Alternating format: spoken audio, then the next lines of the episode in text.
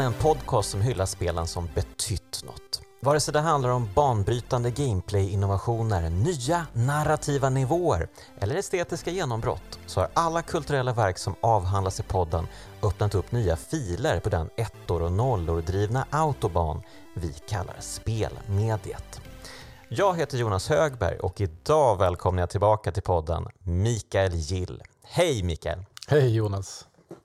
Vad fint att få vara tillbaka igen. Ja, men eh, det, det, vissa känner jag bara, eh, de måste alltid vara med i alla säsonger och eh, så är det verkligen med dig. Um, du är ju alltid en kanongäst. Äsch. Um, snabb fråga förresten. Um, du heter ju Mikael, mm. men du stavar med CH. Mm. Ska man uttala det Michael Gill eller hur, hur föredrar du att bli tilltalad? Uh, nej, du, jag, jag, brukar säga att folk får välja själva.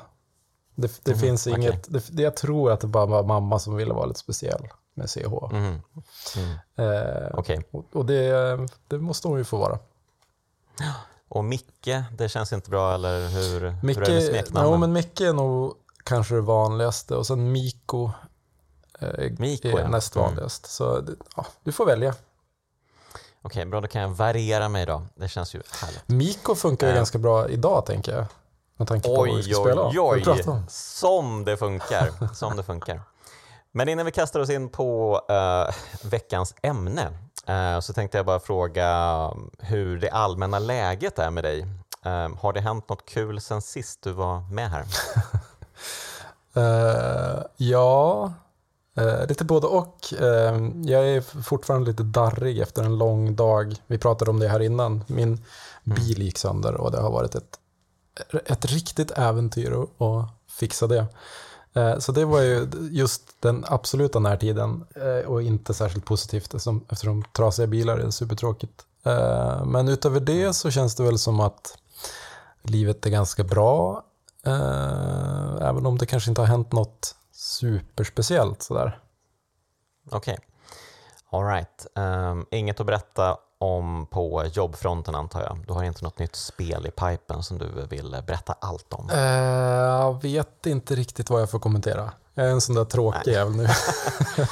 ja. men, uh, men, jag, vill, jag, vill, eh, ändå ställa frågan. Ja, men det, du... det, måste, det är ju din skyldighet mer eller mindre. Mm. Eh, och eh, jag skulle vilja berätta om en massa saker som känns superspännande. Det känns verkligen som att sommaren tog slut och så blev det höst och så fick jag igång världens jobbpepp. Eh, mm. Och jag hoppas att jag kan kanalisera det till någonting som vi kan prata om någon gång. Okej, ja, intressant. Vi får se hur länge podden fortsätter Exakt. och hur lång tid det här kommer ta. Men vi hoppas på att få någon sorts spel utannonsering i podden någon gång. Absolut. Um, ja, men låt oss i så fall gå rakt på veckans spel. Shadow of the Colossus. Det här är ju ett spel som du, um, du anmälde dig till ganska länge sedan. Var det kanske till och med um, var det kanske till och med förra hösten du sa att du ville spela, eller du ville ha Shadow of the Colossus? Ja, jag tror att det kan ha varit det. Det var ju i alla fall innan jag visste att någon annan skulle prata om något annat närbesläktat. Ja, precis. Um, just det, ja, men så var det nog.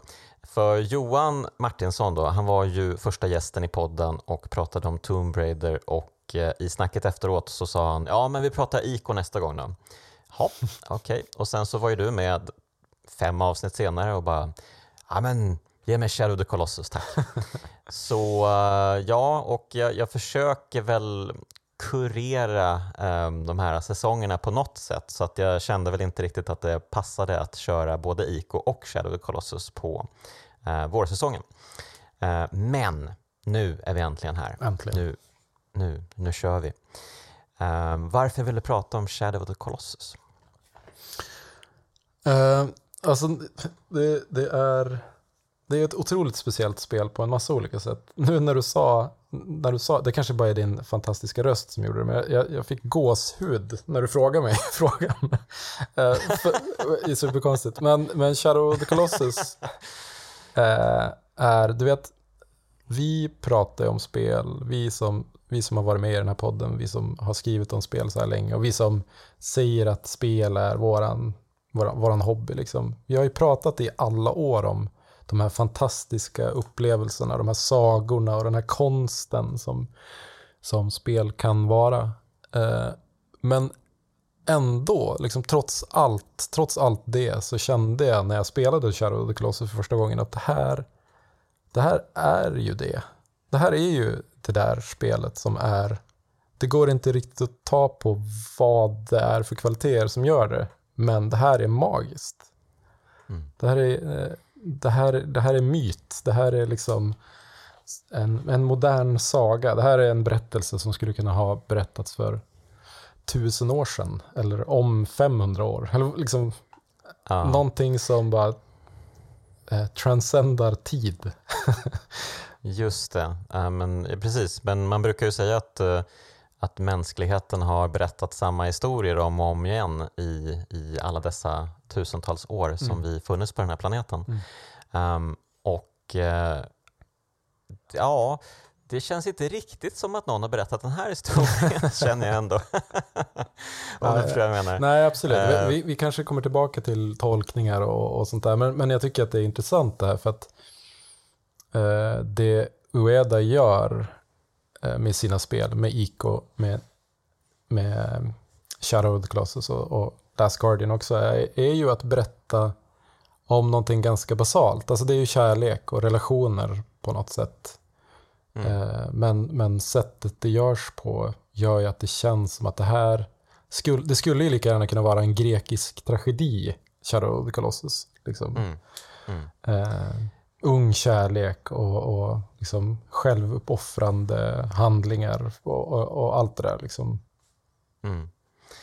Innan vi kastar oss in på spelet så är jag lite nyfiken på bara hur du ställer dig till um, hela den här grejen om Shadow the Colossus som konst. För när jag pratade med Jimmy Håkansson um, och pratade Passage mm. um, i våras så kom vi in lite på ämnet Eh, jag refererade till en gammal Fienden-artikel, den här gamla tidskriften mm. som fanns för tiotal år sedan. Um, där jag samlade ett gäng konstskribenter um, och uh, vi lät dem uh, spela spel som folk hade bestämt, mm. det här är konst. Mm. Och Shadow of the Colossus var ju ett av spelen. Um, och eh, konstkritikerna tyckte att det här var det minst konstnärliga spelet. Mm. de tyckte det var så äh, tv-speligt och så, ähm, det var för svårt mm. för liksom en, en, en, en noob att äh, ta sig an. Mm. Och det är ju ändå intressant. Alltså, det är ju intressant med ett spel som kanske bara kan vara konst för de som kan spel. Mm. Um, och det kanske Shadow of the Colossus är. Om man nu tycker att uh, spel kan vara konst. Ja, precis. Det är superintressant. Det är ju just, just den här spel i konst uh, debatten känns ju otroligt daterad och känns ju som någonting mm. som vi kanske bara inte det är kanske inte ens intressant att försöka övertyga en konstkritiker idag att spela Nej, men konst. Men, men, men liksom jag, kan, jag kan också tycka att det är intressant för att det, det är så fruktansvärt mycket konst i, i andra medier som är jättesvår att ta till sig om man inte är tränad i att tolka eller förstå det uttryckssättet. Om du förstår mm. vad jag mm. menar. Alltså en, mm. För en konstkritiker är det inte konstigt att, att kolla på någonting superabstrakt på en på en duk eller, eller, eller så här, videokonst och bara, ja men det här, det här är ju superbra. Det, det kommunicerar med alla de här verken och det betyder det här. Eh, mm. Och det är ju egentligen samma sak. Om du inte kan spela ett spel, hur ska du då... Alltså det är ju en jättestor tröskel att ta sig förbi för att kunna tolka verket på något sätt. Mm. Eh, och, och liksom all konst är väl interaktiv på något sätt. Eh, det, det, finns en, en, läsare och en, en text att läsa. Mm. Eh, men, men eh, det här är ganska, ja, förmodligen ganska, ganska svårt att lära sig och bara titta på i en, i en salong skulle kanske inte gå. Nej, kanske inte. Även om det såklart är väldigt så här, um, breathtaking eh, Mm. scenerier Mm. och, eh, och eh, scener överlag liksom, i spelet. Verkligen. Um, men eh, ja, alltså man får ju också ha i åtanke att de spelade ju den ursprungliga Playstation 3.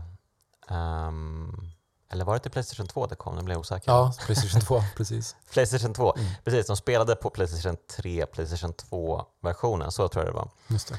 Ehm, men precis, och den, den kontrollen är ju ganska um, bänglig och eh, ganska lurig att lära sig. Ja.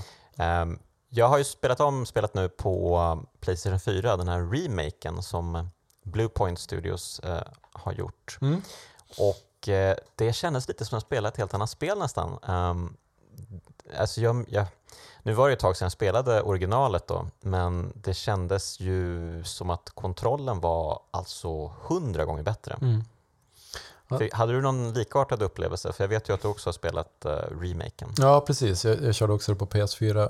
eh, PS3-versionen på PS4. För att jag, jag har förstått också att PS5-versionen, eller om man spelar på PS5 så är det mycket, Mm. mycket sämre. Eh, men jag minns faktiskt inte exakt hur det var. Jag minns ju att det var besvärligt att spela Shadow of the Colossus på, på PS2. Men jag minns inte exakt hur besvärligt det var. Och jag minns inte, jag har ju kollat nu på videor från PS2-versionen eftersom jag inte hittar min egen version. Eh, Mm.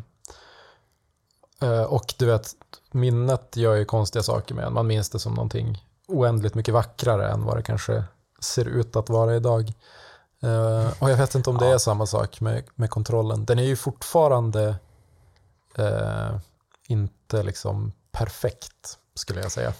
Den är, ju, den är fortfarande väldigt egensinnig. Ja. Det är ju inte så att de har helt förändrat kontroll, kontrollschemat, men det känns ändå som att eh, det är smidigare. Mm. Ehm, och visst, det är ju väldigt bökigt att till exempel vända på hästen. Mm. Ehm, det kan ju vara fruktansvärt enerverande. Ehm, och ehm, ja, och sådär. Men det känns ändå som att liksom just um, um, Wonders kontrollschema eh, känns mycket mer självklart Mm. och, och han, eh, man klättrar mycket lättare med honom, man hoppar på de här plattformsbanorna mycket lättare tycker jag. Mm. Um, vill jag minnas i alla fall att jag hade stora problem förr i tiden med detta.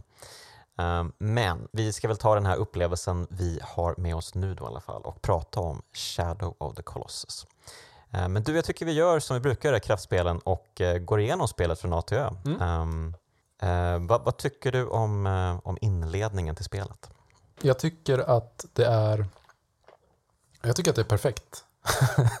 jag, ty jag, jag tycker att alltså eh, nu liksom direkt efter att vi har pratat om kontrollen och hur, hur eh, speciell den är Mm. så tycker jag att eh, de eh, de cinematiska ögonblicken i det här spelet tycker jag är otroligt fina. Alltså nu, nu kommer vi in i, den här, i det här spelet mitt i ett skeende, känns det ju väldigt mycket som.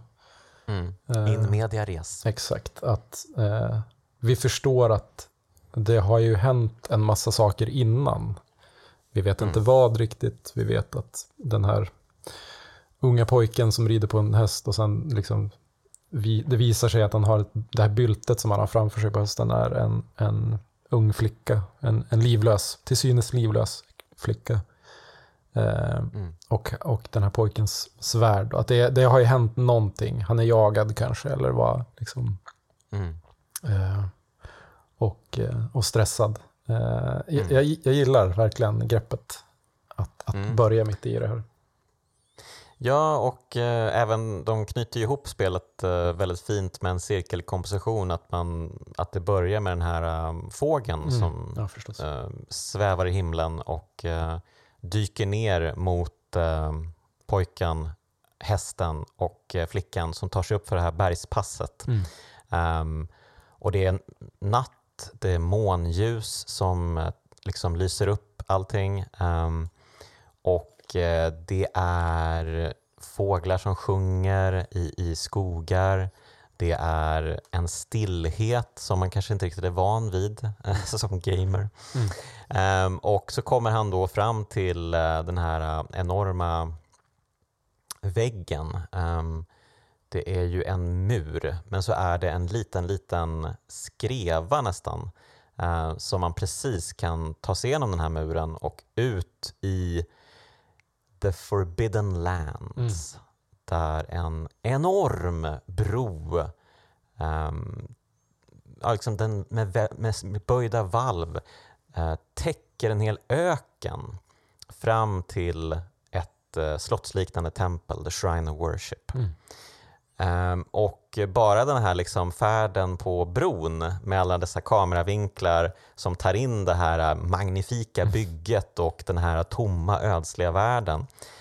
Um, alltså det, det är ju något man verkligen inte sett i ett spel tidigare. Nej. Alltså, visst, vi såg ju prov på um, Fumito Ueda och hans teams eh, um, estetiska briljans redan i ICO. Men alltså det, det tas ju till en helt ny nivå här i Shadow of the Colossus. Mm. Det, är ju, det är ju så otroligt vackert stundtals det här Mm. spelet. Ja, det är ju just, just det här som man kanske såg lite grann av i ICO, alltså, men, men som verkligen tas till sin spets i det här spelet. Och, och en, en del av poängen med det nästan är ju skalan. Liksom. Den här oändligt, den här oändligt höga och långa bron och, och den här lilla, lilla pojken och flickan. alltså att eh, han jobbar ju väldigt, med, väldigt mycket med skalan, just med kolosserna och sådär också senare. Men, men här är det verkligen att man, man känner den här, eh, den här lilla köttbiten som rider över den här enorma eh, bron. Och liksom, det känns ju också som att liksom skala tidsmässigt, att bara det här är någonting eh, oändligt gammalt som vi Mm. eh, besöker och kommer till. En plats som har funnits här för evigt. Typ. Och det här är ju någonting som knyter an i alla tre spelen men det känns ju som att många av de här konstruktionerna eh, är ju helt omöjligt att en människohand har Mm. byggt de här utan de känns ju som magiska eh, saker. Och eh, precis som i slutet på Ico när hela det slottet rasar samman där så kommer ju den här bron rasa samman i slutet av spelet Mm. när den eh, magiska kraften som styr i, i riket eh, faller. Mm. Ehm, så det verkar ju vara ett återkommande tema också. Ehm, men ja, och eh, han kom ju då fram till det här eh, templet, um, Wonder som han kallas för i manualen, Mhm. eh, I guess. Och eh, den här flickan ehm, heter Mono, ehm, även om några namn inte yttras i spelet vad jag vet i alla fall. Eh, jo, i och för sig, hästen får ju, han kallar ju på hästen ibland och Mm. säger agro, agro. Så hästen har ett namn helt klart. Och hästen, det är ju en karaktär i sig som verkligen kommer, man kommer knyta an till hästen och det, det kommer ju en scen senare i spelet som är fru, fullständigt eh, fruktansvärd. Eh, Förstås, när det handlar om förstås. djur och... Ja, vet. precis. Det, det, det är allt man behöver göra, att inkludera ett djur och eh, vara, ja men vara liksom, jag tror att han, för mitt Eda kallade hela liksom, ehm, han hade ju ett motiv för Shadow of the Colossus och det var grymhet som ett uttryckssätt. Mhm. Ehm, och ja, det, det känner man ju verkligen igen på många olika sätt i spelet. Eh, men ja, men de kommer ju då in till slut till det här templets inre ehm, där han placerar Mono på ett eh, altare, vad det verkar. Och eh, plötsligt så dyker det upp svarta rökvarelser ehm, som vi ja, känner igen lite från Ico. Det verkar vara lite samma typ av eh, fiender. Mm. Eh, Men vi får inte kontrollen över pojken här utan han höjer sitt svärd och då ryggar de tillbaka och istället så bryter då en, en mäktig röst in från ovan. Eh, Där den här gudalika varelsen Dormin som ju, han talar ju både med en manlig och en kvinnlig röst samtidigt. Mm. Ehm, Det är ju en fantastisk ehm, eh, idé tycker jag. Alltså det, den här eh, att man, inte, man kan liksom inte placera honom som vare sig en manlig eller kvinnlig eller ens eh, jordalik varelse utan det liksom är någonting yttre eh, Mm. på något sätt. Ehm, så det är ju en, ehm, ja, men verkligen en, en upplevelse i sig bara att höra Dormin tala tycker jag. Ehm, och ja, den här Dormin, han verkar vara fängslad i det här templet. Vad, vad, vad tror du som kan ha hänt här, Mikael? jag, tror jag, jag tror ju mig veta vad som har hänt här, men, men liksom just då, där och då så förstår man ju att den här pojken är ju väldigt, väldigt desperat liksom. Och, och man förstår ju att den här, ja, någonting har hänt med flickan eh, och, och liksom eh, han, pojken, för pojken är flickan väldigt, väldigt viktig och, och desperationen i sig kan ju ha, ha drivit någon till att liksom försöka göra det här förbjudna, eh, vad, det, vad det nu kan vara. Eh, mm. men, men, känslan man lämnas med är väl liksom att eh, för att få liv i, i, sin kärlek eller sin, sin vän eller vad det nu är, så, mm. så har pojken vänt sig till någonting, en makt som, som kanske är större än vad man för, liksom, har förmåga att hantera. Precis. Um, och enligt de gamla legenderna då, um, det här får vi förklarat för oss via en uh, berättarröst. Um, enligt gamla legender så har Dormin kraften att väcka de döda till liv igen. Och den här entiteten föreslår ett uh, utbyte då med uh, Wonder. Mm. Om Wonder krossar de 16 statyerna som står uppradade um, fram till altaret um, så kommer Dormin att återuppväcka Mono igen.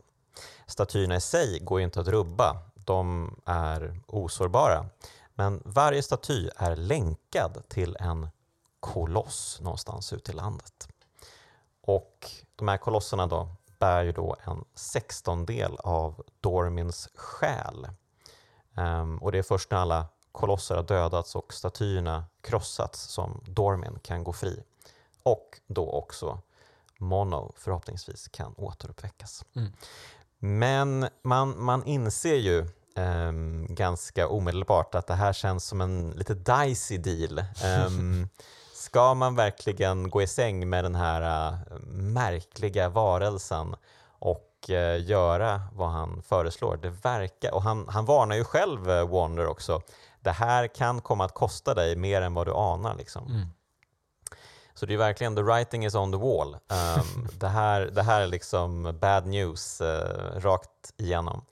Um, och jag vet inte, alltså just berättarrösten kändes lite, den tyckte jag var lite för mycket nästan. Mm. Um, som att, uh, ja, vi, du behöver, alltså, ni behöver inte förklara det här. vi, vi, vi fattar av deras interaktion bara ungefär vad det är som händer och man får ju ändå en dålig vibb. Ja, utan så att, så att, så att, um, jag tycker att berättarrösten är lite för mycket faktiskt. Mm. Um, men uh, ja, så att uh, det blir ju ganska klart i alla fall, uh, liksom upplägget i spelet. Mm. Ja, men och, och liksom den här, det, jag, jag tror ju redan första gången jag spelade det, vilket ju är 17 år sedan nu eller någonting sånt där, att, att liksom redan från början så förstår man att det här är ju en sak som inte är eh, okomplicerad på något sätt. Eller eh, liksom, det här är ju någonting som kommer vara både bra och dåligt. Liksom, det här är något som jag gör av för att hela mitt, min varelse kräver det. Men även, mm. även om mitt förnuft liksom säger åt mig att det här det kanske är att gå för långt där du gör. Och, och det är också någonting som återkommer ju längre ju längre spelet går, så här, att man börjar ifrågasätta sina val. Och, mm. eh, man, man, kan inte hindra sig på något sätt. Ja, alltså ifrågasätta sina val gör man väl kanske redan efter den första kolossen. Um, för är det något som mm. de flesta som spelar Shadow the Colossus liksom kan enas om så är det ju att det är en rätt igenom fruktansvärd upplevelse att dräpa en koloss. Mm. Verkligen. Och eh, alltså det, det, del, alltså det är både en helt otroligt episk upplevelse såklart. Mm. Eh, man klättrar ju omkring på en, eh, ja vad kan det vara, 100 meters koloss. Mm. Um, och eh, liksom kolosserna i sig, de är ju som stora pussel man ska lista ut vad man ska göra med varje koloss och sådär. Mm. Men det är också det att när man väl har hittat de här platserna på kolosserna, de här liksom, eh, platserna med blått sken där man kan tränga igenom eh, stenhuden in till deras eh, hjärta, eller vad det nu är som håller dem uppe. Mm. De här sigillen kanske. Precis. När man lyckas tränga igenom dem med sitt svärd ehm, och eh, fälla kolosserna, då den här musiken som spelas, den är ju så brutalt eh, sorgsen och så vacker.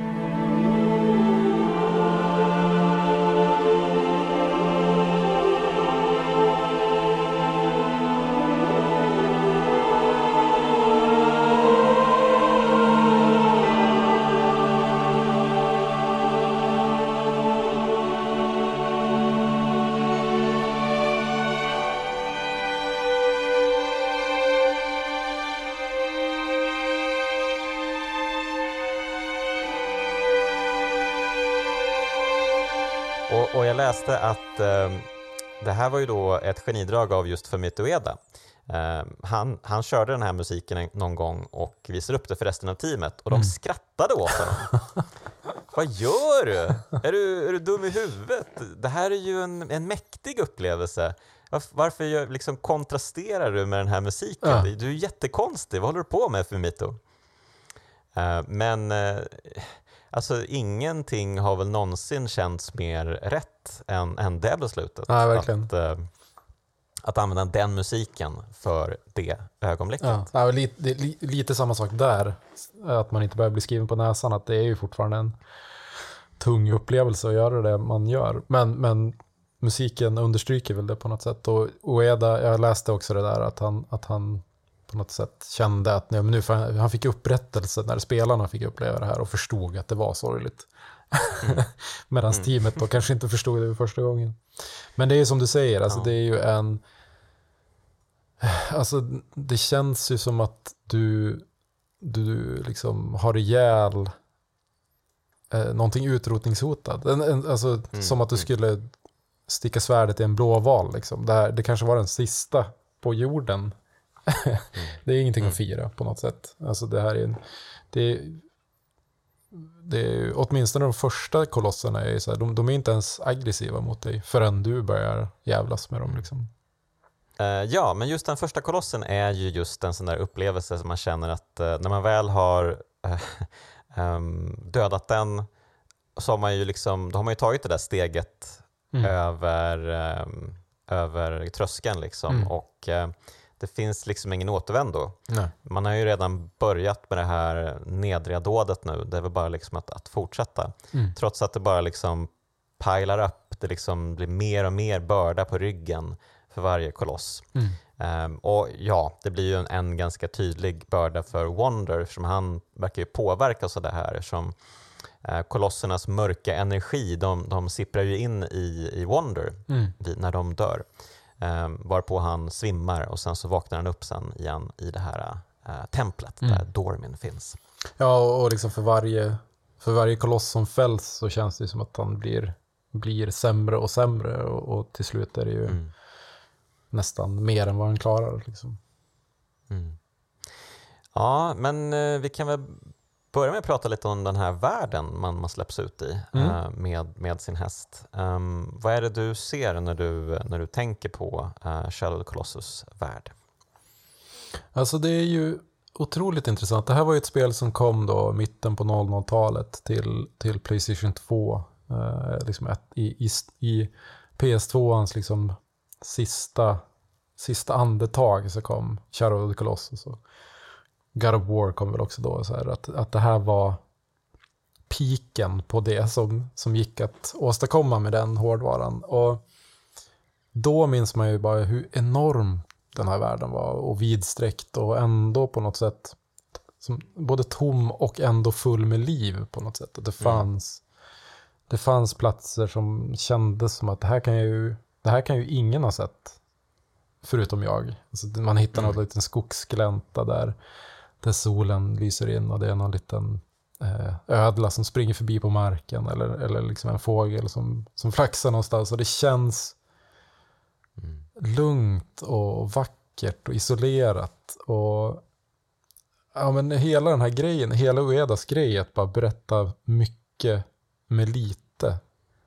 Eh, känns ju verkligen på, på jättemånga av de här platserna. Både de här mysiga små gläntorna men också de här liksom, enorma vidsträckta öknen, ökenlandskapen eller vad det nu kan vara. Liksom. Det känns som att här finns det historia och tyngd och, och liksom, mm.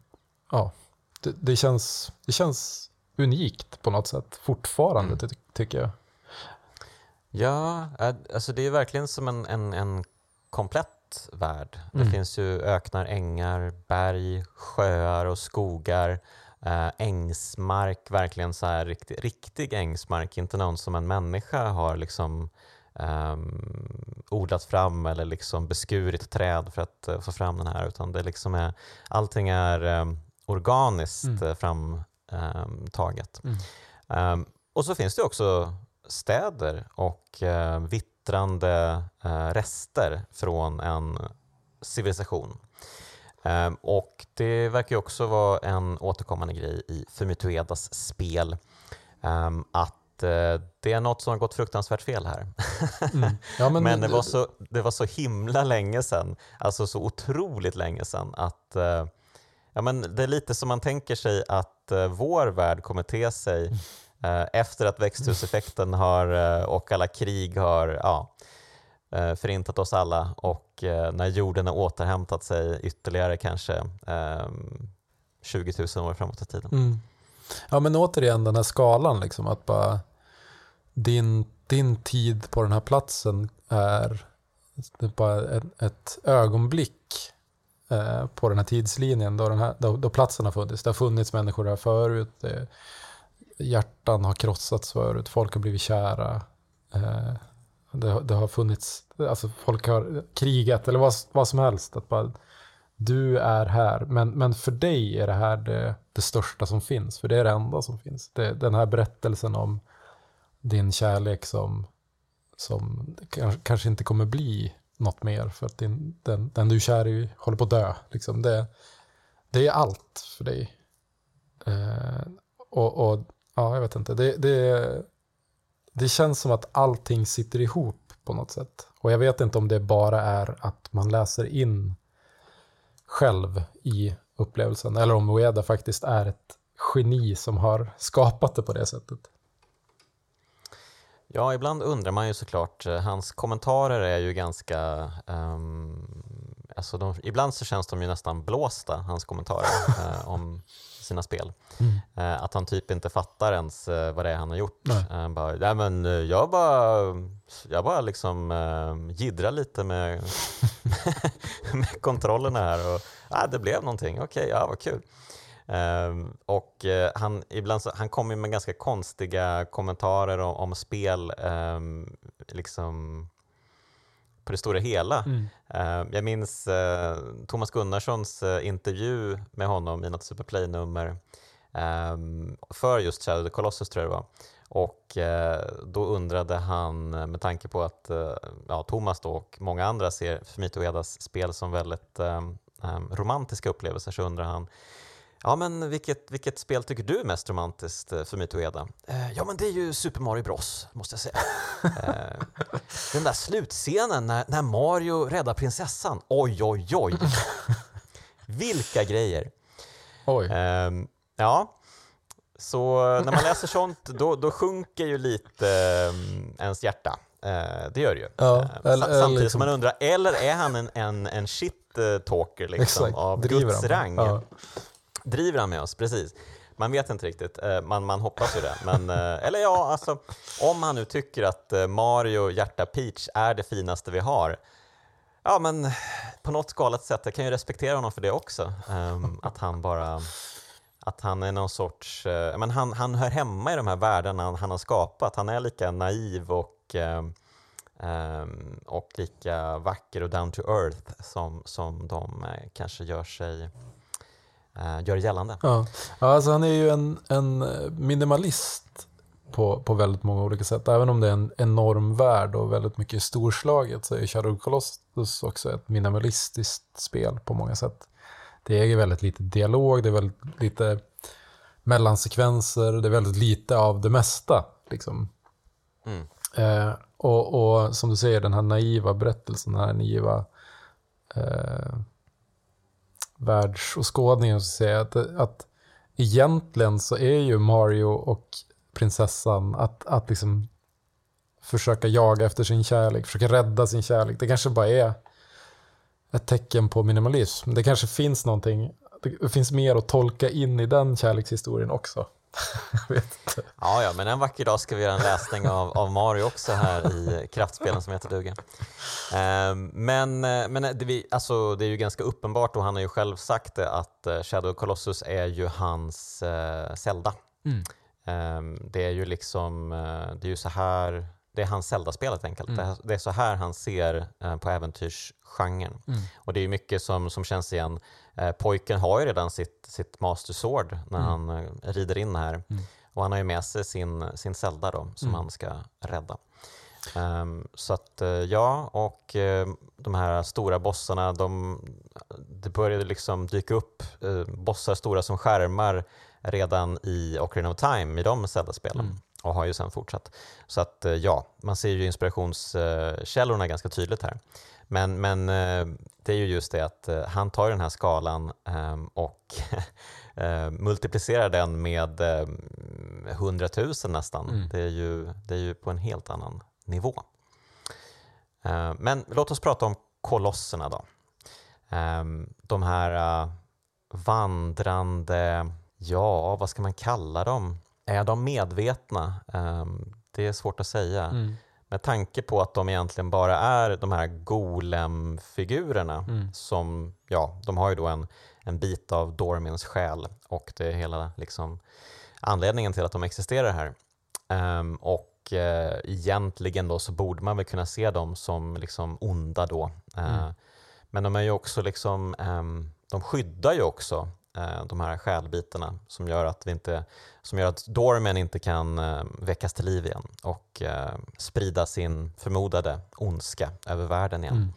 Nej, men det, det, jag ja. tycker, det känns ju som att det finns någonting oskyldigt i dem. Liksom. Det, och det är på samma sätt som man kan, man kan känna en sorg när King Kong blir, eh, mm. dör. Eller liksom när, när, eh, när ett monster eh, bara, bara blir ett monster i, i en kontext på något sätt. Det är, de här mm. gör ju ingen illa förrän det är någon som är där och sticker dem i nacken med ett svärd. Liksom. Eh, det känns ju också som att det här är någonting, en, en varelse som, som har funnits länge, som, som har varit på den här platsen. Det är, det är dess hem liksom. Mm. Uh, men så kommer det en, en egoistisk skitunge och, och ska, ska förstöra allting. Mm. Ja, men precis. Det är ju, det är ju precis, det, det, är, ehm, det är ju en hjälte som det är lite svårt att... Um, det är ju inte liksom, det är ju, han är ju den klassiska hjälten på ett sätt för mm. att han vill rädda flickan.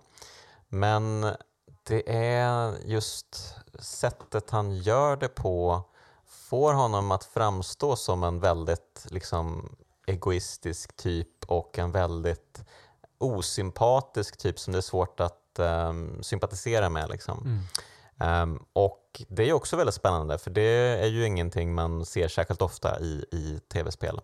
Uh, även om, ja, ja men kolla Solid Snake då, han är ju en antihjälte. uh, nej, det, jag vet inte om jag tycker att Solid Snake är en antihjälte um, på, på det sättet som, som Wonder är en antihjälte. Um, det, Solid Snake är bara en rolig actionkaraktär. Eh, medan Wonder är han är en förvridning av vad jag skulle kunna vara om jag också hade blivit ja, men just förvriden av sorg kanske då, mm. över den här flickans död.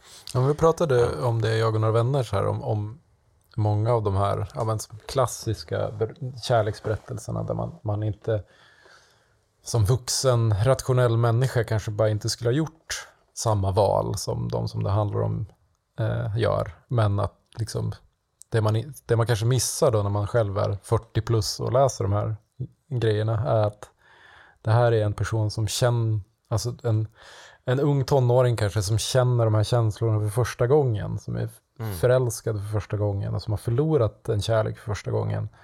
Mm. Då det känns som att det här är den här känslan är knuten till bara den här personen. Det finns inget annat. Eh, och, och, Det känns lite som att det, det blir en bättre upplevelse om man på något sätt försöker rollspela den känslan. Att bara, men jag, utan, den här, utan min kärlek till, till den här personen så kan jag inte leva. Och, och jag kommer göra allt för att få tillbaka den. Liksom. Mm. Jo, men det är klart det finns en det är klart det finns en anledning till att så många, framförallt rollspel då, har tonåringar i sina huvudroller. Mm. Det är ju för att de inte är färdiga som människor än. Um, och uh, de har väldigt svårt att kontrollera sina känslor. Mm. Um, och det, även om Wonder verkar vara uh, väldigt klar på, på vad det är han ska göra och uh, utför det han ska göra till punkt och pricka så känner man ju att uh, hade han bara tänkt efter lite, lite mm. så hade det kanske inte behövt bli så här. Um, mm. Men uh, ska vi gå in på kolosserna i sig då? Har du liksom en, en favoritkoloss eller en favoritupplevelse uh, med någon av de här kolosserna? Ja, det tror jag att jag skulle säga att jag har. Alltså det är ju de är, det är 16 stycken, det är väldigt många och de är väldigt många mm. olika sorter sorter, eh, olika skala på dem också. Det finns ju ett par som är lite mindre och de tycker jag generellt är sämre och tråkigare eftersom det, mm. det känns mer som, som någon slags traditionell spelboss. Mm. Eh, jag tycker ju förstås väldigt mycket om de här Minotaur-liknande kolosserna. Som mm. Tre stycken. Minotaur ABC kallades de för under utvecklingen. eh, okay. Ja. De, ja, men som, som den första, Valus är ju en av dem. Att, att första gången man såg någonting från spelet så var det ju de här äh, man såg och då, då det var ju olikt någonting annat man någonsin hade sett liksom när, när reklamen och, och trailerserna för de här spelen kom. Eh, det gjorde ett starkt intryck. Men sen tycker jag också att eh, de eh, flygande kolosserna mm. Eh, är otroligt mäktiga. Alltså det finns en som heter eh, Avion som är en, ja men som någon slags flyg, flygödla typ som har ett helt enormt vingspann och en mm. svans eller stjärt eller vad säga som är dubbelt så lång säkert som ving, vingbredden som sitter på ruinerna över en, en mörk sjö och så ska man liksom försöka ta sig upp på den och, och hitta de här svaga punkterna eller sigillen på, på vingarna och sticka, sticka i dem och sen eh, tumlar den här liksom runt i luften och, och sveper ner över vattnet. Och det är bara så fruktansvärt mäktigt. Eh, man riktigt ser, ser hur vinden så sliter i håret och, och kläderna och man bara kämpar för att hålla fast i, i pälsen. Det är, ja, det är jättemäktigt tycker jag. Mm, det är också en av mina favoriter. Um, det du pratar om just med vinden, mm. det har jag nästan inte upplevt i något annat spel. Uh, den här, alltså verkligen den här känslan att uh, herregud, jag kommer ju flyga av hur lätt som helst om jag inte greppar fast. Uh. Och Det ska ju sägas också att uh, Wonder, alltså hans uh, Hans greppmuskler är ju utöver det vanliga verkligen. Han håller sig fast i, i vått och torrt verkligen. Ja. Eh, oavsett eh, hur mycket de här kolosserna än liksom krumbuktar sig och eh, vrider och vänder och forsar fram eh, genom luften. Ehm, ja, otrolig fight med den där verkligen. fågeln där. Annars tycker jag också, mm. den, den, jag tror att det är den tredje kolossen som heter Gaius som, som är en jätte, jättehög eh, tvåbent sak som har högra underarmen är som en som en lång stenklubba eller nästan ett svärd. typ. Så står han uppe på en platå som är som en arena nästan. Mm. Eh, också är supermäktigt. Då ska man försöka springa till en stor metallsköld som ligger på marken och få Gaius att slå med sin, sin arm på den här metallgrejen för att spräcka en del av hans rustning som man sen kan klättra upp på honom och, och sticka honom i huvudet. Där många av de här kolosserna har ju silen högst upp på gässan, liksom på huvudet. Mm. Uh, och när man står där uppe, högst upp på huvudet på, på Gaius, så känns det som att Alltså det är så fruktansvärt högt upp och man ser ju hur långt som helst. Och det är, mm. ja, det är otroligt spännande och drabbande. Ja, precis. Det var precis som när jag besökte New York och åkte upp i Empire State Building och eh, tittade ut över staden därifrån. Eh, lite samma känsla är det ju när man står på de här jättekolosserna. Men vad kul, eh, det här med, eh, med skölden kände inte jag till. För jag klarade kolossen på ett annat sätt. Jaha, hur då? Eh, jo, när kolossen sveper ner med den här klubban eller svärdet i marken så har man ju några sekunder att eh, klättra upp på, Mm. på svärdet. Mm. Ehm, och sen så liksom reser ju eh, kolossen svärdet uppåt. Mm. Och om man hoppar i rätt ögonblick då, då får man en sån, eh, en sån skjuts av, eh, av svärdet. Att man kan flyga hela vägen upp på huvudet. Är det sant? Jamen, Wow. det är Mäktigt. bara pro, pro gamer stuff vet du. Verkligen speedrun-lösningen. Ja men eh, väldigt häftigt. Ehm, och jag antar att det finns många olika sätt faktiskt man skulle kunna dräpa eh, Det- de olika det- kolosserna. Det kan jag tänka mig. Men har du någon, någon egen favorit Anders? Jag har ett par stycken som jag gillar. Ehm, jag, jag håller med dig om att de här mindre kolosserna är ganska tråkiga. Mm. Ehm, även om jag tyckte att det var lite kul med den andra tjurbossen. Eh, den första tjurbossen är ju kanske den, den sämsta bossen Mm. av alla, skulle jag säga. Ehm, för att man måste liksom lura ut den. Dels så ska man plocka upp en, en fackla. Eh, en mekanik som man aldrig utfört tidigare i spelet. Ehm, Så jag visste inte ens hur man skulle göra, vilken knapp man skulle använda för att plocka upp den.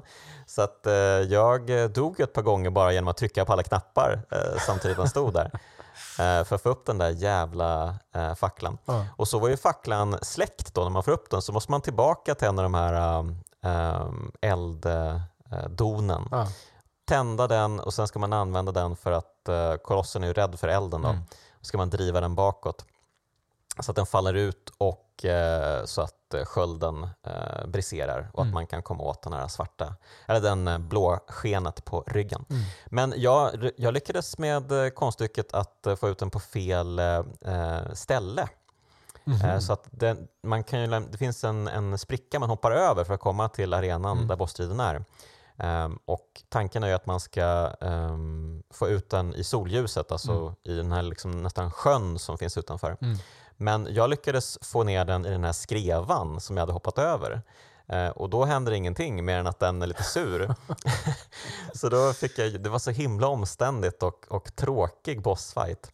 Och eh, också det här liksom faktumet att blir man eh, liksom knockad av eh, en koloss oavsett, liksom, men framförallt de här små, då tar det ju hundra år för Mm. Wonder att ta sig upp på fötterna Mm. igen. Fruktansvärt irriterande.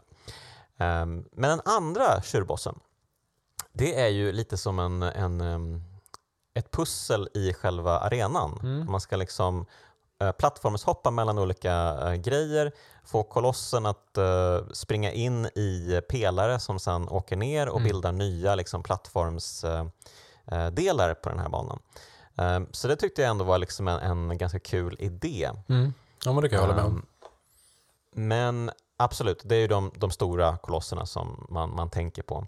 Och jag tyckte ju att den allra roligaste var den andra flygbossen, det kanske finns en till, men den här i öknen Ja. med blåsbälgarna Ja. eh, som den har under eh, sin kropp. Mm. Det är ju en, alltså det är kanske den mest episka upplevelsen jag varit med om på länge. Eh, Dels så åk, rider man ju runt på hästen. Eh, Det är ju inte alla kolosser som man får tillfälle att Nej, precis. använda hästen också. Men här rider man runt med hästen och eh, skjuter med pil och båge på de här blåsbälgarna under bossen.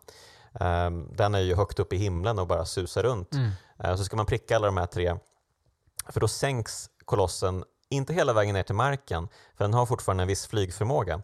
Men den är kanske en 50 meter ovanför marken och då sänker den ner sina, sitt vingspann så att det liksom eh, river i ökensanden. Mm. Och då kan man ju eh, rida upp intill, hoppa upp på vingarna, klättra upp på bossen och eh, göra sitt dirty deed. Mm. Eh, ja, så himla bra.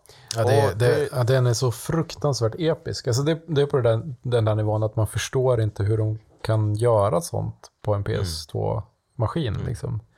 Det känns som att det här är ju, det är för mäktigt på något sätt. Mm.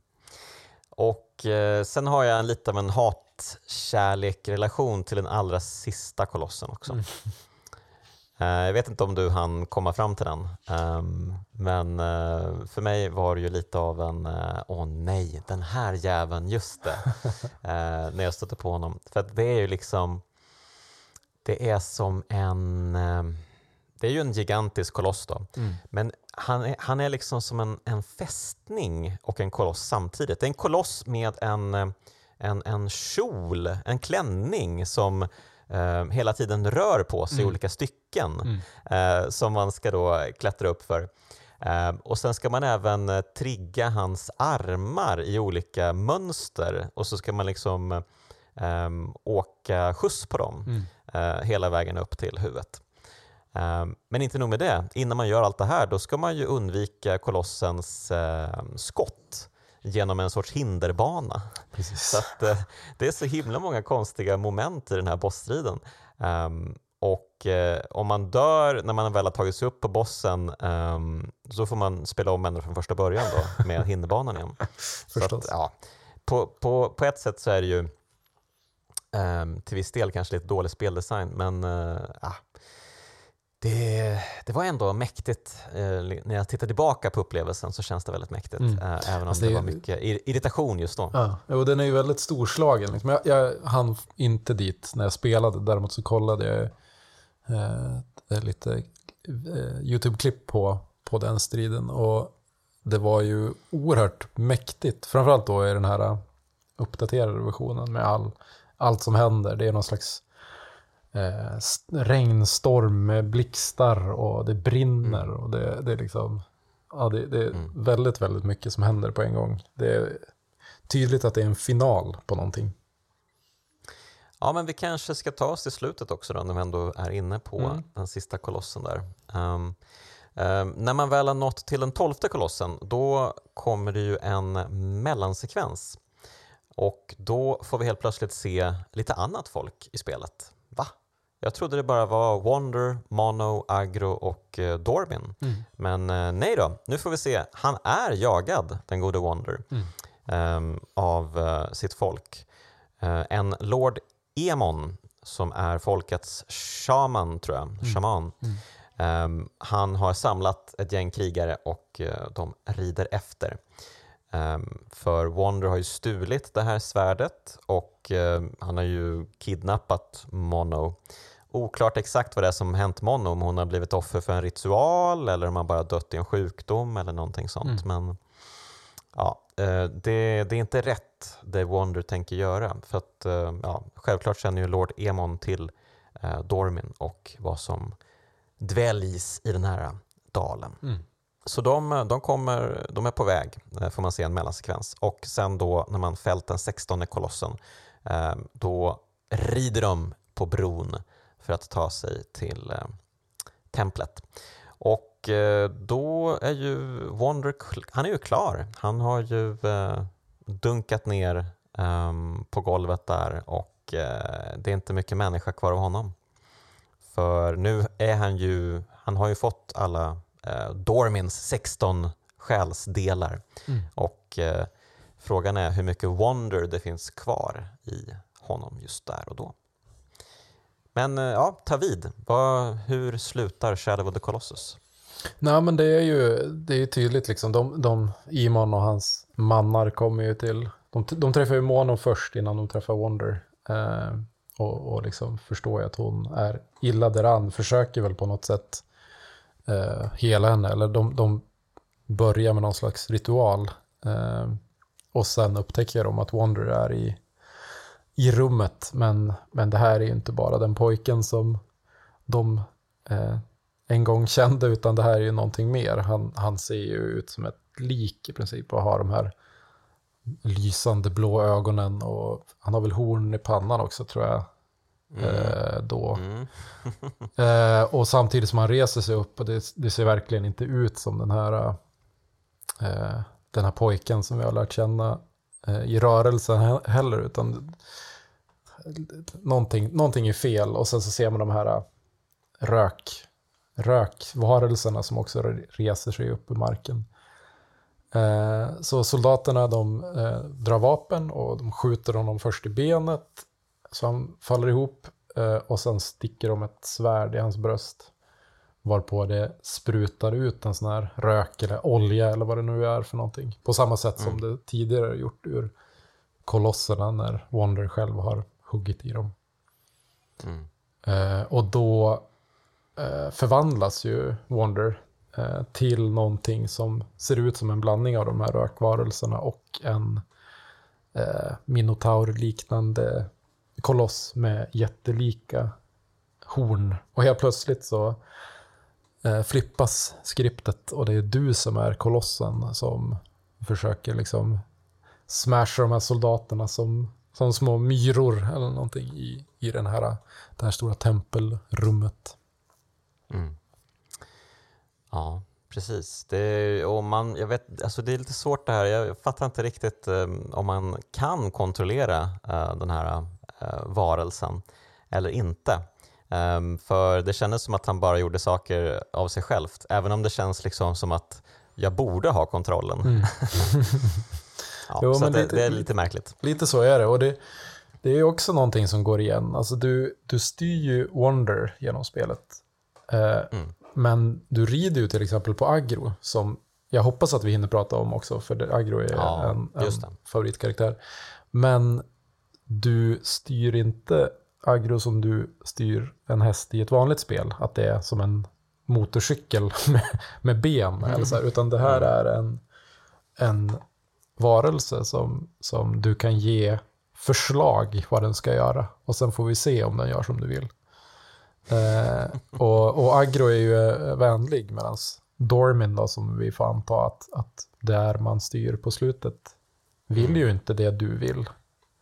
Eh, har ju precis liksom använt Wonder till att eh, ja, bara som en, ett sätt att bli fri och sen få ett skal som den kan göra vad den vill med. Så det är ju som en kamp där också, liksom, mellan spelare eller Wonder och, och Dormin.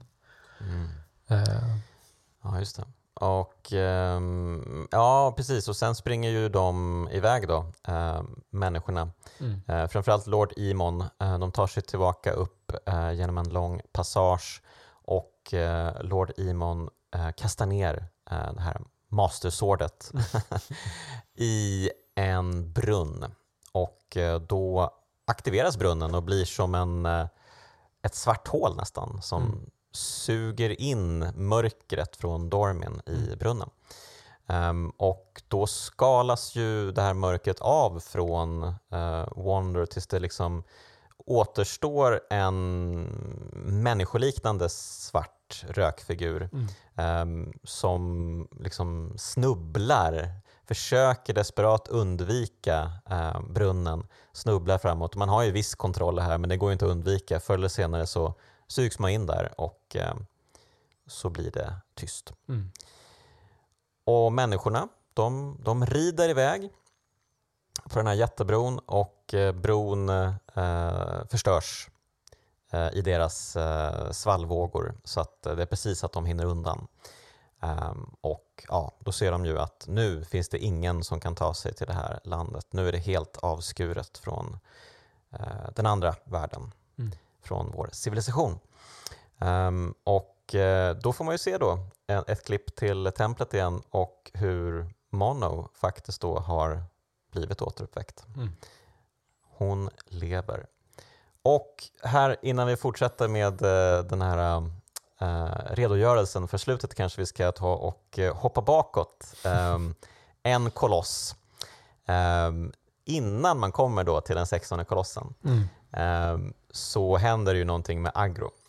Eh, Ja, alltså hästen. Agro är ju, Agro är ju den, den lojala vännen på många sätt. Alltså det, är, det är ju...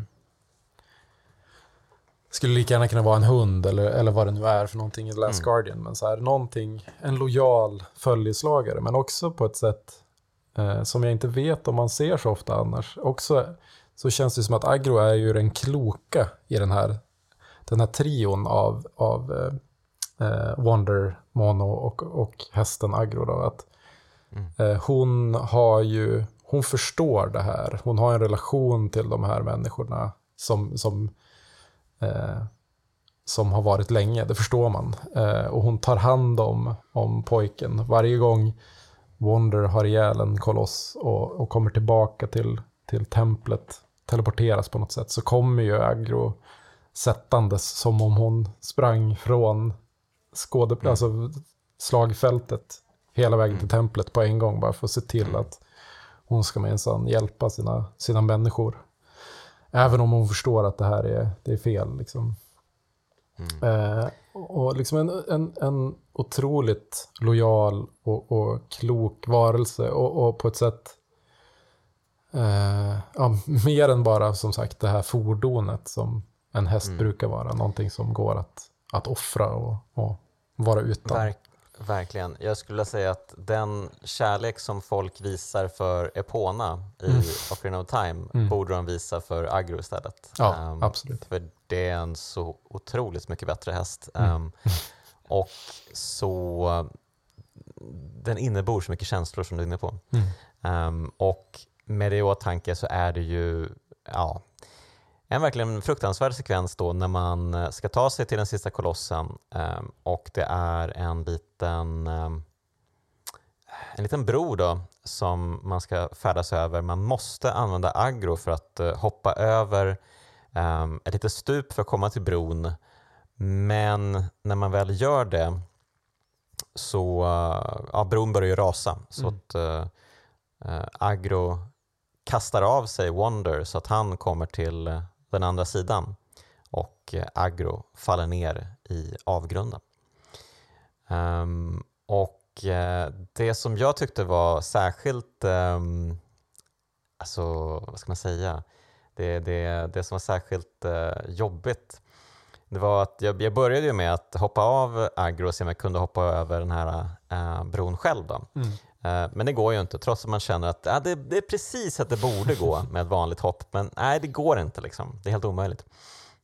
Så, så stod jag där um, uh, själv då, um, och tittade på, på bron och då kommer ju Agro gåendes bakifrån. Mm. Uh, trots att jag liksom uh, lämnat henne bakom mig en, en, bit. Och det är ju inte alltid hon liksom kommer direkt. Ibland så försvinner hon ju ett tag um, när man är ute och, och äventyrar. Mm. sådär. Hon har ju lite egen vilja ibland också. Mm.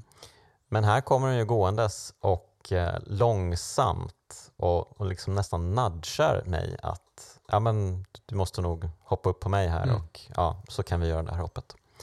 Um, så det, känd, det, det, är verkligen, det rev i hjärtat um, att hon på något sätt um, ja men jag gör det här för din skull. Ja, ja men verkligen. Alltså, och återigen liksom självuppoffring som ett tema i, i berättelsen. Att bara det, det här är ju ännu större än det Wonder gör. Wonder gör ju det av egoistiska skäl ganska mycket. Mm. Liksom försöker mm. få Moni att leva igen. Agro gör det bara för att Wonder vill det. Mm. Uh. Men uh, ja, och sen kan man ju då fråga sig um, blir det här ögonblicket när, när Agro faller till sin död blir det mindre potent när Agro eh, plötsligt då haltar in i templet i slutet när Mono ställer sig upp? Um, ja, jag vet inte, det kändes lite weird mm. um, nu när jag såg det igen. Jo men precis, um, för det är ju det som händer att, att Agro kommer tillbaks haltande eh, och, och liksom gnäggar och visar eh, eller ser liksom att Mono lever igen och, och, och sen så går de tillsammans mot den här poolen, eller den här lilla vattensamlingen som svärdet kastades ner i. Eh, mm. Och där hittar de, eh, det här är lite konstigt tycker jag, de hittar en bebis med horn. Mm. Som man ja. då antar är Wonder. Ja, men man får väl också anta att um, Wonder och Dormin har blivit ett, en och samma nu också. Och jag antar att det var det som hornen tidigare um, visade också. Mm. Så ja, han har väl blivit återfödd men med um, ja, vissa skavanker. Mm. Um, och det finns ju de som menar att Shadow of the Colossus är en prequel till Ico mm. och att uh, Wonder är den första i en rad eh, av de här barnen som offras då i IKO, Mm. som alla bär horn. Ehm, och ja, det låter väl inte så dumt. Det är säkert ganska troligt. Ja, det är väl en Ehm. teori. Det, Oeda har väl sagt att det, är liksom, det är åtminstone i samma värld Mm. eh, som de här berättelserna utspelar sig i. Så mycket mer vet jag inte om, om det har bekräftats. Men, Ja, och eh, det, det som är roligt här på slutet är ju att ja, ja, hon, eh, Mono scoopar ju upp eh, Wonder, antar jag att det är då, eh, Mm. Wonder-dormen. ehm, och eh, Agro visar vägen. Eh, Agro har ett jäkla determination här. Eh, hon, hon köttar på upp för den här långa vindlande trappan ehm, och bara oj, jag får verkligen skynda efter här trots att eh, hästen är halt så liksom det är himla fart. Bara, jag vet vart vi ska, inga problem. Ehm, och så, så kommer de upp till en vacker plats helt enkelt. Där, ja, där djuren frodas. Det dyker upp ett rådjur, en ekorre och fåglar. Och det är Edens lustgård helt Mm. enkelt. ja, det kallas Och- väl den, den förbjudna trädgården, Mm. Kanske av en anledning. Och det slutar ju då med att eh, den här fågeln som har, den har ju egentligen följt oss genom hela resan. För man ser ju den ibland eh, åka genom Mm. himlen när man är ute och färdas i The Forgotten Lands. Men nu så är den klar med vår historia och eh, nu beger den sig någon annanstans. Mm. Jättefint sätt att sluta på. Verkligen. Tror du att det hade känts bättre om du inte hade fått den här sista lyckliga slutet, så att säga? Ehm, skulle det ha slutat med att eh, människorna klarade sig ut därifrån, att Mm. Lord Imon och hans krigare klarade sig ut, att bron låg raserad och att vi inte klipper in i templet. Mm, det Ehm, finns ingen Dormin längre. Eh, mm. Agro Ja. överlevde inte. Hade det, alltså, det hade ju inte varit ett lyckligare slut förstås, men hade det varit ett bättre slut? Hmm, nej, jag vet inte, men jag tycker det. Jag tycker att det är kul att eh, Mono att Mono lever är... Det hade ju varit kul om det bara var hon som helt plötsligt bara vaknade upp där och bara eh, vad ska jag ta mig till nu? det hade ju varit eh, ännu lite mörkare såklart på något sätt. Eh, men eh, ja, det, det är så himla skumt och konstigt att hon bara hittar en bebis där med horn eh, i den här ja, källan. Så Ja, hon vet, ju, eh, hon vet ju mest troligt inte vad som har hänt.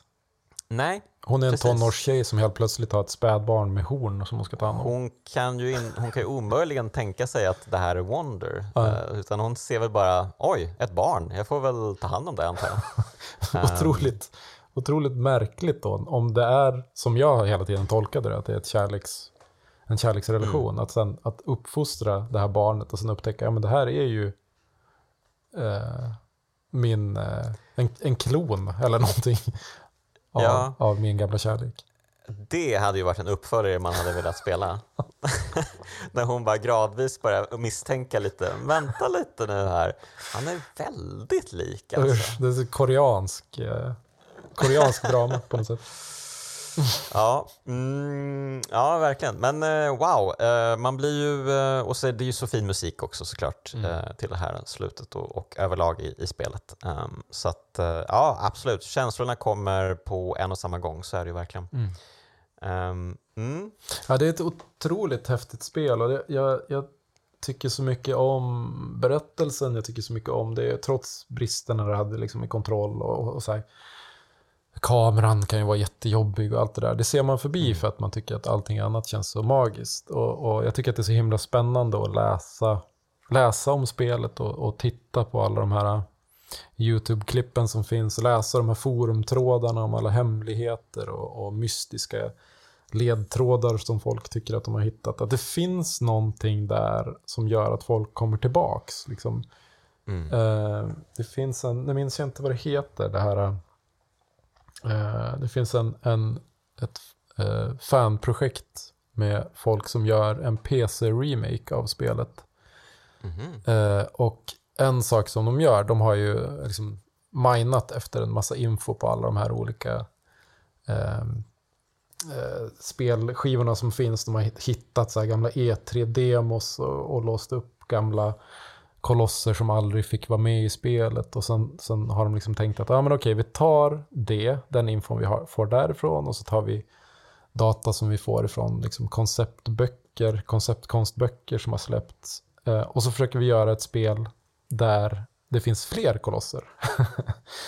eh, Just det. Mm. Och, och, och, det är väl spännande på sitt sätt. Det finns ju såklart en anledning till varför Ueda och, och teamet, Team Ico, liksom klippte 24, först 24 av kolosserna och sen ytterligare 8 så att det till slut bara blev 16. Eh, hade de så många kolosser? Ja, de hade 48 från början och sen klipptes 24 och så gjordes det ganska eh, det finns ganska väl dokumenterat arbete kring åtta fler då. Mm. Eh, som de här fansen håller på att försöka eh, ge liv till. Mm -hmm. Men just den känslan att det finns, det finns så mycket mer att utforska. Det, folk vill liksom hitta en, en eh, ytterligare koloss eller en ytterligare plats. Eller att man, man klättrar runt och, och hackar i öken sand för att se om det kan finnas någonting mer. Mm. Det, det, må, det, måste ändå vara ett bevis för att det här spelet betyder väldigt mycket för väldigt många. Mm. Ja, precis. Eh, det finns mycket att rota efter i källkoden, så är det ju mm. verkligen.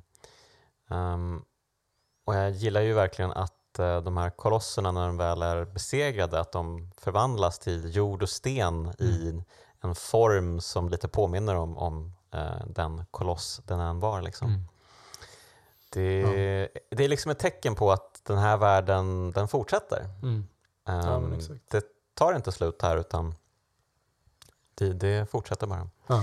Vad tycker du, alltså, hur kan det vara så att det finns en, en en person som Fumito Ueda som, som, som jag har förstått är han inte särskilt intresserad av spel. Hans, hans intresse var ju framförallt animation, liksom åtminstone innan han började jobba med spel. Och, och när de satte ihop teamet för att göra ICO så, så tog de framförallt folk som inte hade jobbat med spel, utan de, de, ville, de ville ha folk från andra kreativa näringar, liksom, att, att göra någonting nytt. Så här varför är det inte fler som gör så? Eller vad, vad, vad, vad är det Ueda lyckas med som ingen annan kan? Eller liksom, är, det ens, är det ens Uedas förtjänst? Är det bara ytterligare en sån här auteur-myt som vi går på? Är han, det... är han en idiot som bara tycker att Mario, Mario hade den bästa romantiska berättelsen? han kan alltså, ju vara både och. Ja, jo det går ju såklart. Um, ja, men så, självklart, det är ju inte bara Fumito Ueda som ligger bakom uh, Shadow of Colossus, Ico och The Last Guardian. Um, men ja, av det vi fått veta om projekten så är det ju ändå ganska tydligt att uh, han har haft väldigt stort inflytande på hur liksom allt har utformat sig. Mm. Um, så att ja, man får väl ändå säga att han är uh, liksom hjärnan bakom den här spelen. Mm. Och eh, det är ju intressant att han kommer från en annan bakgrund och att han egentligen inte riktigt eh, vet vad som passar eller liksom vad andra tycker. Alltså det känns ju inte som att eh, hans speldesign är um, den är liksom inte stöpt i samma mylla som Nej. Shigeru Miyamoto, Hideo Kojima och alla de andra Nej. stora. Um, så det är ju intressant. Och man kan ju också titta på, um, på um, andra spelskapare som till exempel Josef Fares som kom från filmvärlden. Mm. Um, och, men han hade ju tydligt ett uh, spelintresse också mm. och inspirerades ju av, av, andra spel mycket. Men, men det känns ju som att det är en ganska bra... Jag tror ju att det är den bästa liksom bakgrunden man kan ha för att sen ge sig in på att göra någonting oavsett vad den är. Att vara väl bevandrad i många olika typer av eh, liksom, kulturintressen mm. och eh, konstformer. Mm. Att veta en hel del om film, att veta en hel del om böcker, om, om konst och dylikt. Mm. Om spel. Um, jag tror att det kommer bli bättre kulturupplevelser som den personen skapar då. Mm. Um, och ja, det är, ju, det är ju bara roligt och märkligt att uh, han inte verkar tycka om spel. Ja, ja nej, men det, det, jag menar, det ser man ju också på hans spel, att de är ju väldigt tydligt liksom, inspirerade av film, eh, eh filmmediet och hur man, hur, man, hur man framar en bra bild. Liksom. Även när man mm. rider, om man rider ute i öknen så Mm. Även om man kan styra kameran själv så känns det som att den, den lever ju lite ett eget liv och den vill ju visa saker ur ett eh, estetiskt tilltalande eh, perspektiv snarare än det som ibland kanske är bäst för spelupplevelsen mm. på något sätt. Ja, men du, du har eh. rätt. Jag tror att han använde så mycket av gyllene snittet när han mm. komponerade bilderna i Verkligen. spelet. Um, och även om man själv kan röra kameran, uh, och det gör man ju, uh, försöker liksom trilskas med den, um, så är det, alltså, man måste ju verkligen säga att den här PS4-versionen, den är så otroligt vacker alltså. Mm. Um, när, när, man tittar på PS2-versionen så tänker man ju, hur i hela friden kunde jag tycka att det här var snyggt? den, den, ser ju ut som grus, ja. typ. Medan det här är en, ja, det är nästan en komplett upplevelse. Mm. Um, otroligt fina färger och uh, vidsträckta landskap. Och precis som du är inne på, även om allting är öde så känns det ändå som att det är en värld fylld av liv. Mm. Ja, kudos till uh, Blue, Bluepoint som har gjort remaken. De, de, de vet vad de sysslar med känns det som. De är bra på det här med remakes, det får man ju säga. Verkligen. Um, Demons Souls-remaken var ju faktiskt riktigt fin mm. också.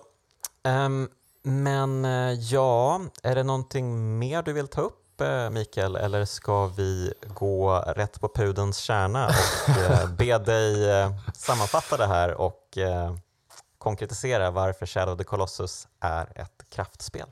Det känns som en ledande fråga. Jag skulle kunna prata om det här hur länge som helst, känns det som. Liksom, vad, vad, både var eh, Uedas in, inspiration kommer ifrån, men också vad hans spel, deras spel har lett till. Vad, vad, vad, vad, vad gav de för eh, effekt på spelvärlden, både vad det gäller indie indie-branschen mm. och, och större. Men, men det kanske är ett, en, en diskussion för ett annat, ett annat avsnitt. Det, ja, men det, det är ändå en intressant fråga tycker jag med tanke på att du är spelskapare själv. Um, mm. Så den kan vi väl absolut landa i lite snabbt.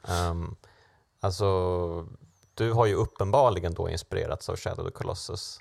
Um, ja, absolut. På, no på något plan. Liksom. Sen är de spel jag varit med och gjort har ju varit otroligt långt ifrån det där. Men liksom mm.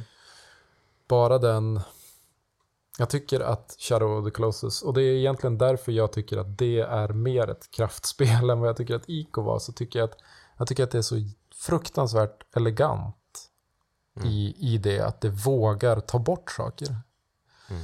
Jag läste något citat från någon, någon, jag tror att det var en filmvetare som pratade om att en, en, en i ett, i ett liksom, i klipprummet eh, för en, eh, i en, för en riktigt bra film så ska det finnas tio gånger så mycket bortklippt som i det, i det slutgiltiga resultatet eller slutgiltiga filmen. Mm. för det är så mycket som man kan skala bort ifrån allt. Alltså det gäller både film och, och, och framförallt spel kanske. Eh, mm. Och, och i, i spel så är det väldigt ofta att man pratar om att speltiden eh, har som ett egenvärde. Att det, om spelaren har betalat för, för ett spel då ska den också få speltid. Mm. Mm. mm. Men Ueda eh, skiter i det. Eh, och, och liksom fokuserar på det som är viktigt. Det finns ingen det finns ingen loot, det finns ingen grind, det finns inga eh, utfyllnadsmonster eller sådär, utan det finns öppna slätter och, och, natur och så finns det bossar. Det var idén från början och det, det var det som det blev.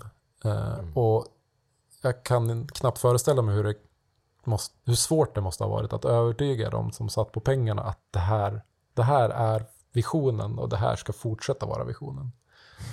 Eh, det tycker jag är otroligt starkt och det är någonting sådär som jag hoppas att fler skulle få utrymme att göra istället för att bara göra ett spel som alla kommer fortsätta spela eftersom nu vill alla ha spel som funkar bra med prenumerationstjänster och vi måste tänka på att folk ska betala. Alltså du vet, att man kommer från Mm, den mm, vinkeln hela mm. tiden. Ja. Eh, det är ju någonting som är superintressant. Sen läste jag också i och för sig att Shadow of the Colossus från början var tänkt att det skulle vara ett online multiplayer-spel.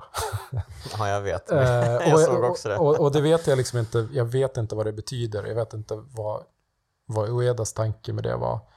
Men det känns ju som att det hade kunnat slutat illa. jag är väldigt, väldigt glad att det blev vad det blev. Eh, och jag, jag menar, Ja. Icos och Shadow Colossus eh, effekt på spel sen dess går ju att se överallt. Alltså fram, kanske framförallt i Zelda-spelen. Eh, Mm. och, men också liksom, eh, vad heter det, ja men det Naughty Dog gör eller liksom, ja men Mm. även, även AAA-spel har ju tittat på, på de här grejerna och förstått att ja, fan, här, här finns det ju någonting. Det här är ju någonting som, som verkligen liksom sätter fingret på vad spel kan vara. sätt. Eh, just det, en sak som vi inte heller har pratat om, Mhm. eh, som, jag, som jag insåg nu är ju... Eh, eh, jag vet ju att du och, Johan pratade om, om hålla handen eh, mekaniken i ICO. Mm. Eh, ja, det, ni kanske till och med sa det då, det kanske är helt omöjligt att prata om det nu, men, men just den här hålla fast eh, mekaniken att du håller i en knapp, så länge du håller i en knapp så håller du fast dig i den här pälsen eller, eller kanten som det hänger i. Hur otroligt liksom taktilt det blir. Det är verkligen en koppling till, till världen och, och till slut känns det nästan som att man krampar i, i handen när, när staminan håller på att liksom ta slut och du, du kanske kommer att falla hela vägen ner till marken. Du Mm. måste börja om. Att, att så här, den känslan är så himla verklig. Eh, också otroligt stort. Verkligen. En parentes. Eh, varför är Shadow of the Colossus ett kraftspel? Det är ju så himla svårt att formulera i en mening bara. Du behöver inte nöja dig med en mening. Här. Eh, men det är ju ett spel som är magiskt. Som, som känns som att det här, det här kommer jag ta med mig i, i resten av mitt liv. Det här är en, en, en berättelse som verkligen slog an i mig och, och som eh, liksom fick mig att förstå spel på ett sätt som jag trodde att jag redan gjorde. Men, men kanske återupptäcka kärleken till spel också. Eh, och, och mycket mer än så vet jag inte om man kan begära av ett spel. Ja, eh, nej men eh, det är väl sant att inte alla spel som täckts i kraftspelen är lika groundbreaking som Shadow the Colossus. Absolut. Ehm, mm. Ja, det var en otrolig upplevelse att uh, återuppleva det igen och ehm, jag kan bara rekommendera alla att spela den här Playstation 4-versionen. Ehm, det är ju helt klart den optimala eh, versionen av spelet. Ehm, och eh, ja, jag, jag håller med dig. Det, det här är en mycket, mycket bättre spelupplevelse än, än ICO. Mm. Ehm, även om såklart ICO är jättefin eh, på sitt sätt. Men det här känns så annorlunda Mm. och så en sån fantastisk kontrast mellan det episka och det sorgsna. Mm. Ja, det är få spel som kan eh, claima mitt hjärta så som Shadow of the Colossus har gjort. Ja. Ehm, men eh, där har vi det helt enkelt. Där har vi det. Och eh, ja, självklart är det ett kraftspel som heter duga. Tack Mikael Gill för att du var med i kraftspelningen. Tack så hemskt mycket för att jag fick vara med och tack för att jag fick anledning att spela det här spelet igen. Det var fantastiskt mäktigt. Och tack ska du ha som lyssnar. Ett stort tack även till de finfina pojkarna i Bitpopbandet 047 som gör signaturmelodin till kraftspelen. Och nu kommer den här och det innebär att vi, vi hörs igen nästa vecka.